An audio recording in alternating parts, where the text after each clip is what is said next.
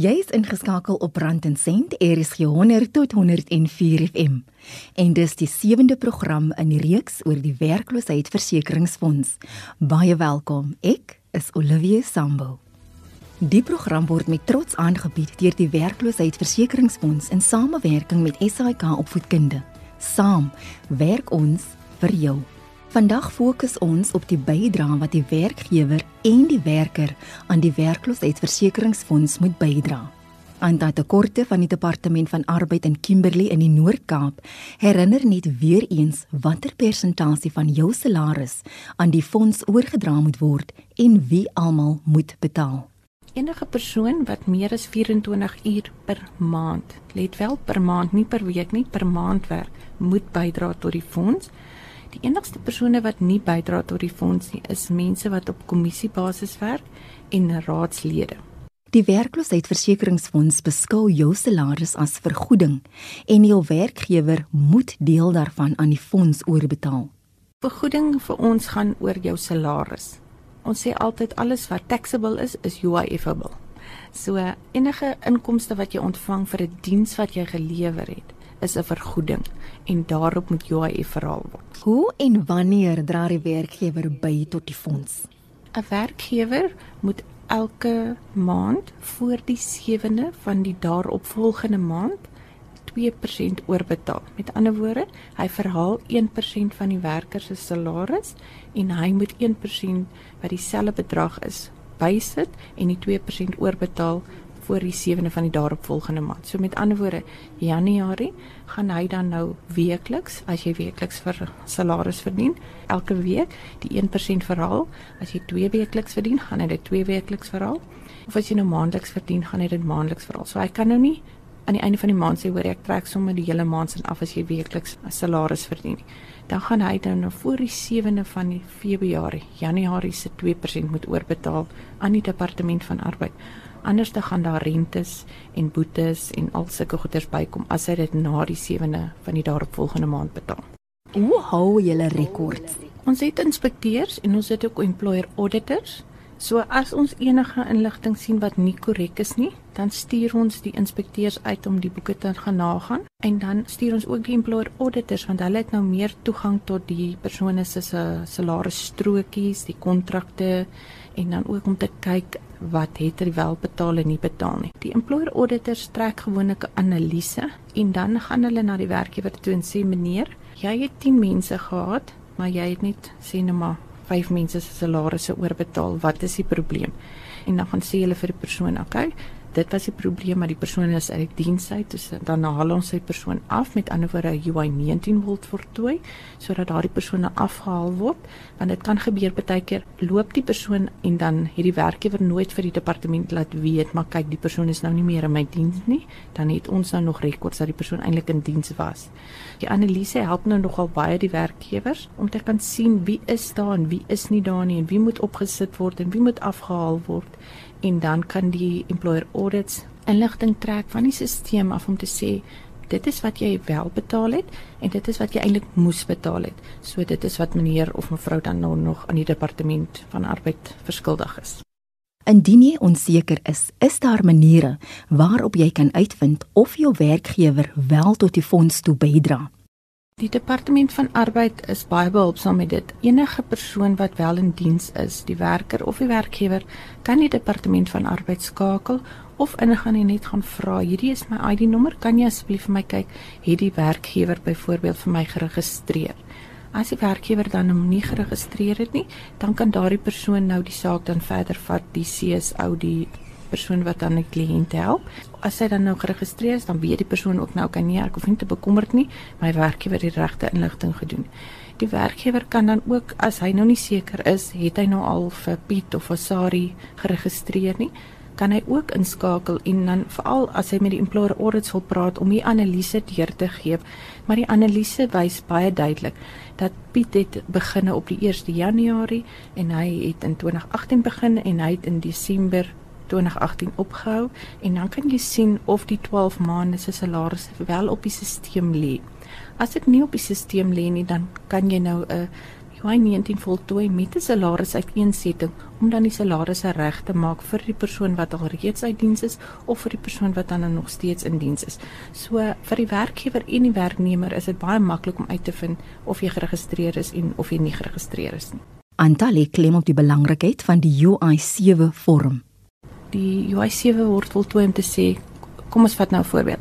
Ons het 'n domestiek werker en um, die persoon het R300 verdien vir Januarie en dit is een persoon en die UIF is vir 1% is soveel plus 1% is soveel en dit is die 2% en die 2% word oorbetaal. Met die bewys van betaling word dan deurgegee vir die departement sodat hulle dit dan net kan vas lê op die stelsel om te sê dat daardie bedrag was eintlik vir 1 maand of vir 3 maande wat die persoon betaal het. Die werkgewer moet seker maak dat hy wel die 2% veral oorbetaal voor die 7de van die daaropvolgende maand sodat hy nie moet rentes en boetes betaal nie want dit is al baie keer dan nogal onaangenaam vir die werkgewers om hierdie inligting dan nou sê op die 9de deur te gee en te sê ja maar hulle moet nie nou meer R10 betaal nie maar hulle moet nou R13 betaal. So ek sal maar nie die werkgewers aanraai om dit voor die 7de te doen. So gesels aan dat tekorte van die departement van arbeid in Kimberley. Hoewel die werkloosheidsversekeringsfonds korttermyn verligting bied wanneer jy jou werk verloor, is dit steeds een van die mees traumatiese ervarings wat enige een kan beleef. Finansiële beplanners Henry de Klerk en Eugene Antak van Altima Finansiële Dienste deel hulle mening oor hoekom dit jou so hard tref as jy afgedank word. Dit is 'n baie groot ding dat 'n ou sy werk verloor het. En mense vat dit ongelukkig persoonlik, want wat vertel ek nou vir die familie? Wat vertel ek vir my vriende wat het gebeur met my? En dit sit my in bietjie in 'n moeilike situasie. Tweede ding is dat werk is 'n baie kosbare kommoditeit. Ek bedoel ons sien die werkloosheidssyfers is baie hoog. Laas jaar se syfers sonder die ouens wat ontmoedig is om te werk is hier by 27.5%. En so as 'n ou werk het vandag in Suid-Afrika dan is dit definitief baie waardevol en om dit te verloor sit 'n in 'n ou in 'n posisie van baie onsekerheid want dit is immers jou brood en botter. Ek dink ook mense hou nie van veranderinge nie. Dit bring onsekerheid mee en soms is jou selfwaarde daarmee heen. Al is die rede vir die afdanking nie iets wat jy enige beheer oor gehad het nie en dis ekonomies van aard. Hoe hanteer jy dit as jy weet dat dit onvermydelik is dat jy afgedank gaan word? en wat kan jy doen?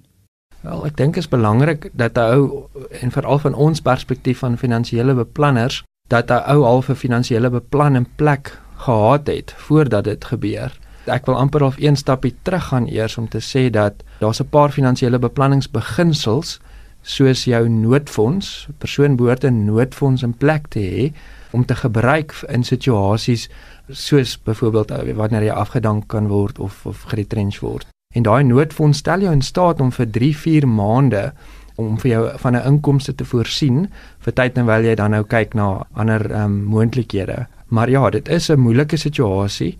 'n Ou moet definitief nie te paniekbevange raak daaroor nie en ehm um, jou opsies oorweeg. Ja, ek dink ook moenie paniekbevange raak nie. Elke ou ervaar dit anders, maar dit is een van die goed wat meeste mense ervaar, wat gaan ons doen? Hoe gaan ons dit doen? Probeer ook glo dat net 'n tydelike situasie is en dan moet jy onmiddellik begin netwerk. Soek jou kontakte op. Maak seker dat jou CV opgedateer is. Maak gebruik van sosiale media. Byvoorbeeld registreer op webwerwe soos LinkedIn en stel jou CV aanlyn sodat 'n werkgewer dit kan sien en dan ook dis belangrik om 'n goeie verwysing van jou vorige werkgewer te kry en indien moontlik die redes vir die afdanking. Dit was Eugene Antak en Henry de Klerk van Altima Finansiële Dienste. En jy luister na Rand en Sent, RSG 100 tot 104 FM.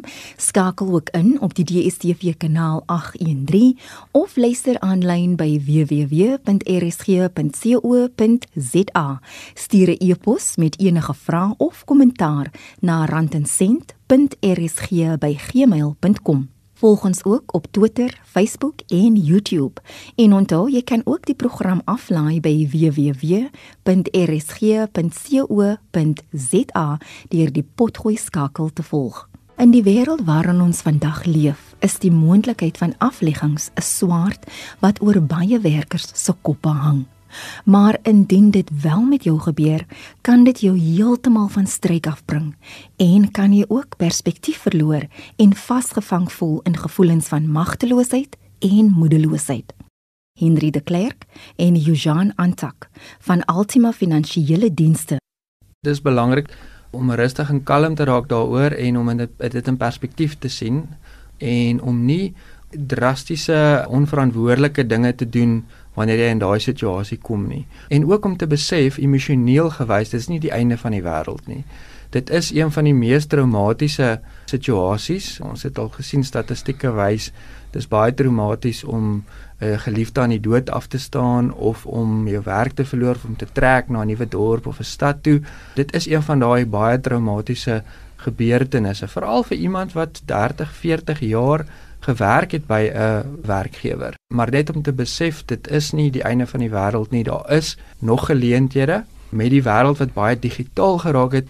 Is daar geleentheid daar vir mense om hulle eie besighede te kan begin ook. Ek dink jy moet die implikasies van jou skeiingspakket behoorlik verstaan. Moontlik uitstaande verlof of bonus en die pensioen en voorsorgfonds en dan die belastingimplikasies. En ek sal voorstel dat alles is die enigste finansiële advies wat jy kry, is dit 'n goeie idee om dan finansiële advies te kry oor die beplanning van die gebruik van die pakket ook. Dit klink asof dit iets is wat jy beslis nie op jou eie kan doen nie. Glad nie. Ek het prakties hierdie jaar al gesien waar ek met 'n persoon 'n kliënt vir my gesit het en die persoon het vanuit die menslike hulpbron 'n divisie advies gekry rondom wat hy moet doen met sy skeidingspakket en hy het toe na ons toe gekom en ons het gekyk en, ges, en gesien maar dit is 'n totaal nie 'n goeie advies gewees nie.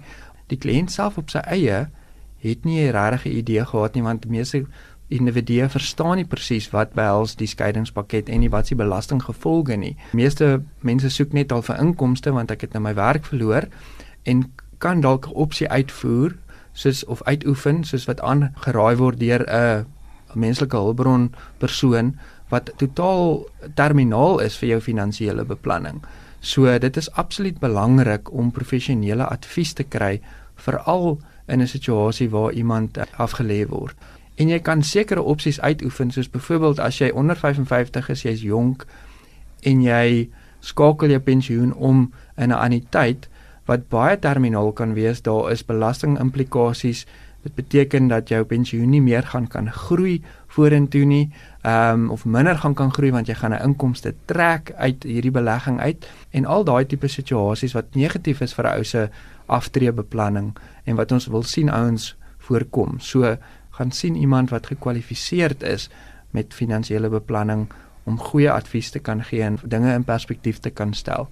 Jy het verskillende opsies oor wat jy met jou skeiingspakket kan doen, maar elke opsie het verskillende implikasies wat nie noodwendig tot jou voordeel strek nie.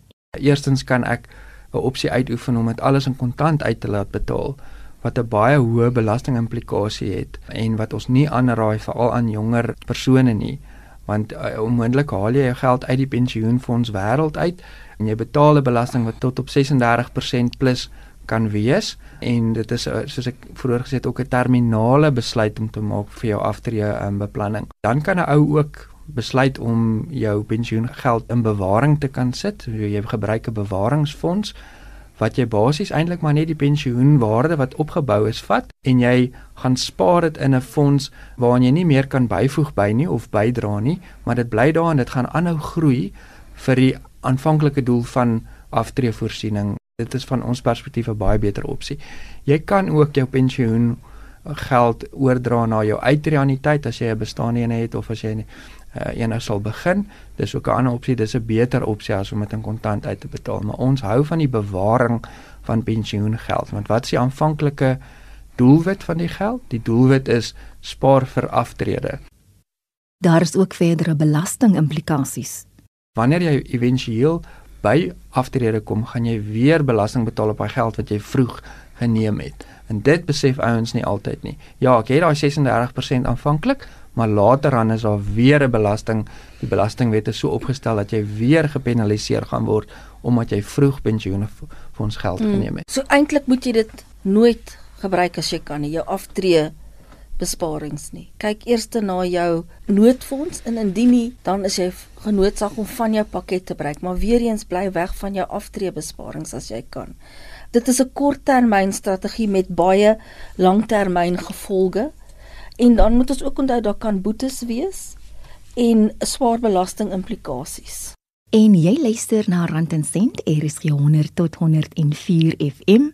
Jy kan die program aflaai by www.rsg.co.za deur die potgooi skakel te volg. Jy kan ook saam luister op die DStv kanaal 813. Stuur gerus 'n e-pos na randencent.rsg@gmail.com. Volg ons ook op Twitter, Facebook en YouTube. As jy vir die eerste keer moet gaan aansoek doen vir werkloosheidsversekering, kan dit 'n oorweldigende ervaring wees. Henry de Klerk neem jou stap vir stap deur die proses. Eerstens wat 'n ou moet doen is jy moet gaan aansoek doen by die werkloosheidsversekering of die of UIF. En indien jy bygedra het, dan kwalifiseer jy dat jy betaling sal kan ontvang in geval van afdanking of aflossing, aflegging of selfs in aftrede. Baie min mense weet dit, maar in aftrede kan hy ook eis as jy oor jou tydperk wat jy gewerk het wel bygedra het. So hierdie eis moet binne 12 maande van afdanking ingedien word en indien dit goedgekeur word, dan sal dit ook vir 'n periode van 12 maande uitbetaal. En dan weer eens die dokumentasie wat jy gaan nodig het. Jy het jou ID paspoort nodig, 'n dienssertifikaat van jou werkgewer, afskrifte van jou laaste 6 betaalstrokies, dan is daar 'n uh, UI 2.8 vorm wat jou bankbesonderhede gaan bevestig. Baie belangrik is 'n UI 19 vorm wat jou werkgewer gaan invul en hanteer om te bewys dat jy nie meer werk by ehm um, die maatskappy nie en dan gaan jy dan 'n registrasieproses deurgaan. Om te registreer kan 'n tydrowende en uitmergelende proses wees. Jy gaan nou basies na jou naaste arbeidskantoor toe en jy moet dan as 'n werkloose registreer. Dit beteken dat jy in 'n tou gaan moet staan. Dit gaan dalk 4 en 'n half uur of so van jou tyd vat, maar dit is die moeite werd vir die uitbetaling wat jy gaan ontvang. So jou inligting en dokumentasie word dan op die stelsel geplaas en 'n afspraak word toegeken. Gewoonlik so 6 weke na jou aanvanklike aanmelding en dan word hierdie afspraak opgestel. Op die dag van die afspraak gaan jy dan jou dokumentasie weer deurgaan. Jy gaan 'n wit kaart ook uh, moet teken en inhandig wat die amptenare gaan moet teken en dan gaan jy 'n use 'n 16A vorm wat bevestiging van werkloosheid status is, gaan jy moet teken, nê. Nee. So daarna is die betaling wat plaasvind dan.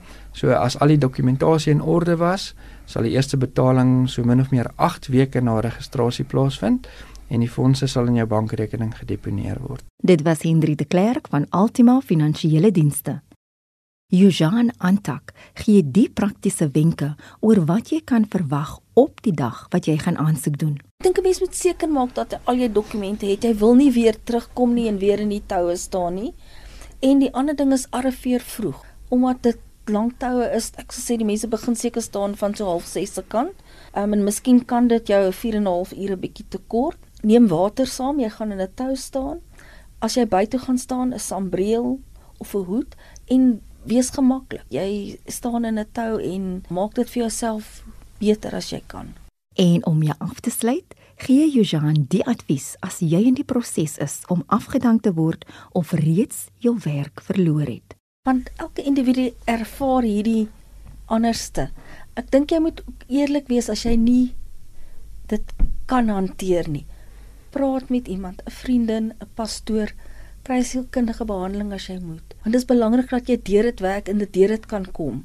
Ek praat van eie ervaring. Ons se familie van 6 4 van ons het al dit deur gegaan en van ons familie twee keer. Dit is iets wat jy kan deurwerk en deurkom, maar moenie bang wees om te vra vir hulp as jy dit nodig het. Dit was Yujan Antak van Altima Finansiële Dienste. Vir enige hulp of inligting gaan na jou naaste kantore van die werkloosheidsversekeringsfonds. Jy kan ook die tollvrye nommer skakel by 0800 843 843 of 0800 UIF UIF of gaan aanlyn na www.labor.gov.za. Jy kan ook vrae stuur aan die werkloosheidsversekeringsfonds op Twitter, Facebook of per e-pos. Ek groet tot volgende week om 5:00 hier op Rand en Sent. Is 100 tot 104 FM. Die program word weer Woensdagoggend om 04:30 herhaal. 'n Fantastiese week vorentoe en totsiens van my, Olivia Sambul.